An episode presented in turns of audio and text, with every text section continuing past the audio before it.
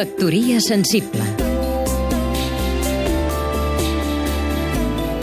Josep Massot, periodista cultural Fa un dies, parlant amb una poeta nord-americana amb fama d'escriptora difícil, em va sorprendre la claredat en la qual defensava les seves idees en favor dels més humils, dels saturats, dels desastres mediambientals. En un país tan individualista com els Estats Units, ella volia construir un nosaltres solidari. Aquí, a Espanya i a Catalunya, els escriptors són molt més prudents quan paren en públic. El meu únic compromís és en la meva obra, diuen. Aixequen la veu només per protestar per les retallades culturals o per plorar per la fi dels estudis humanistes. La seva queixa és gremial. Una altra cosa és el debat Catalunya-Espanya.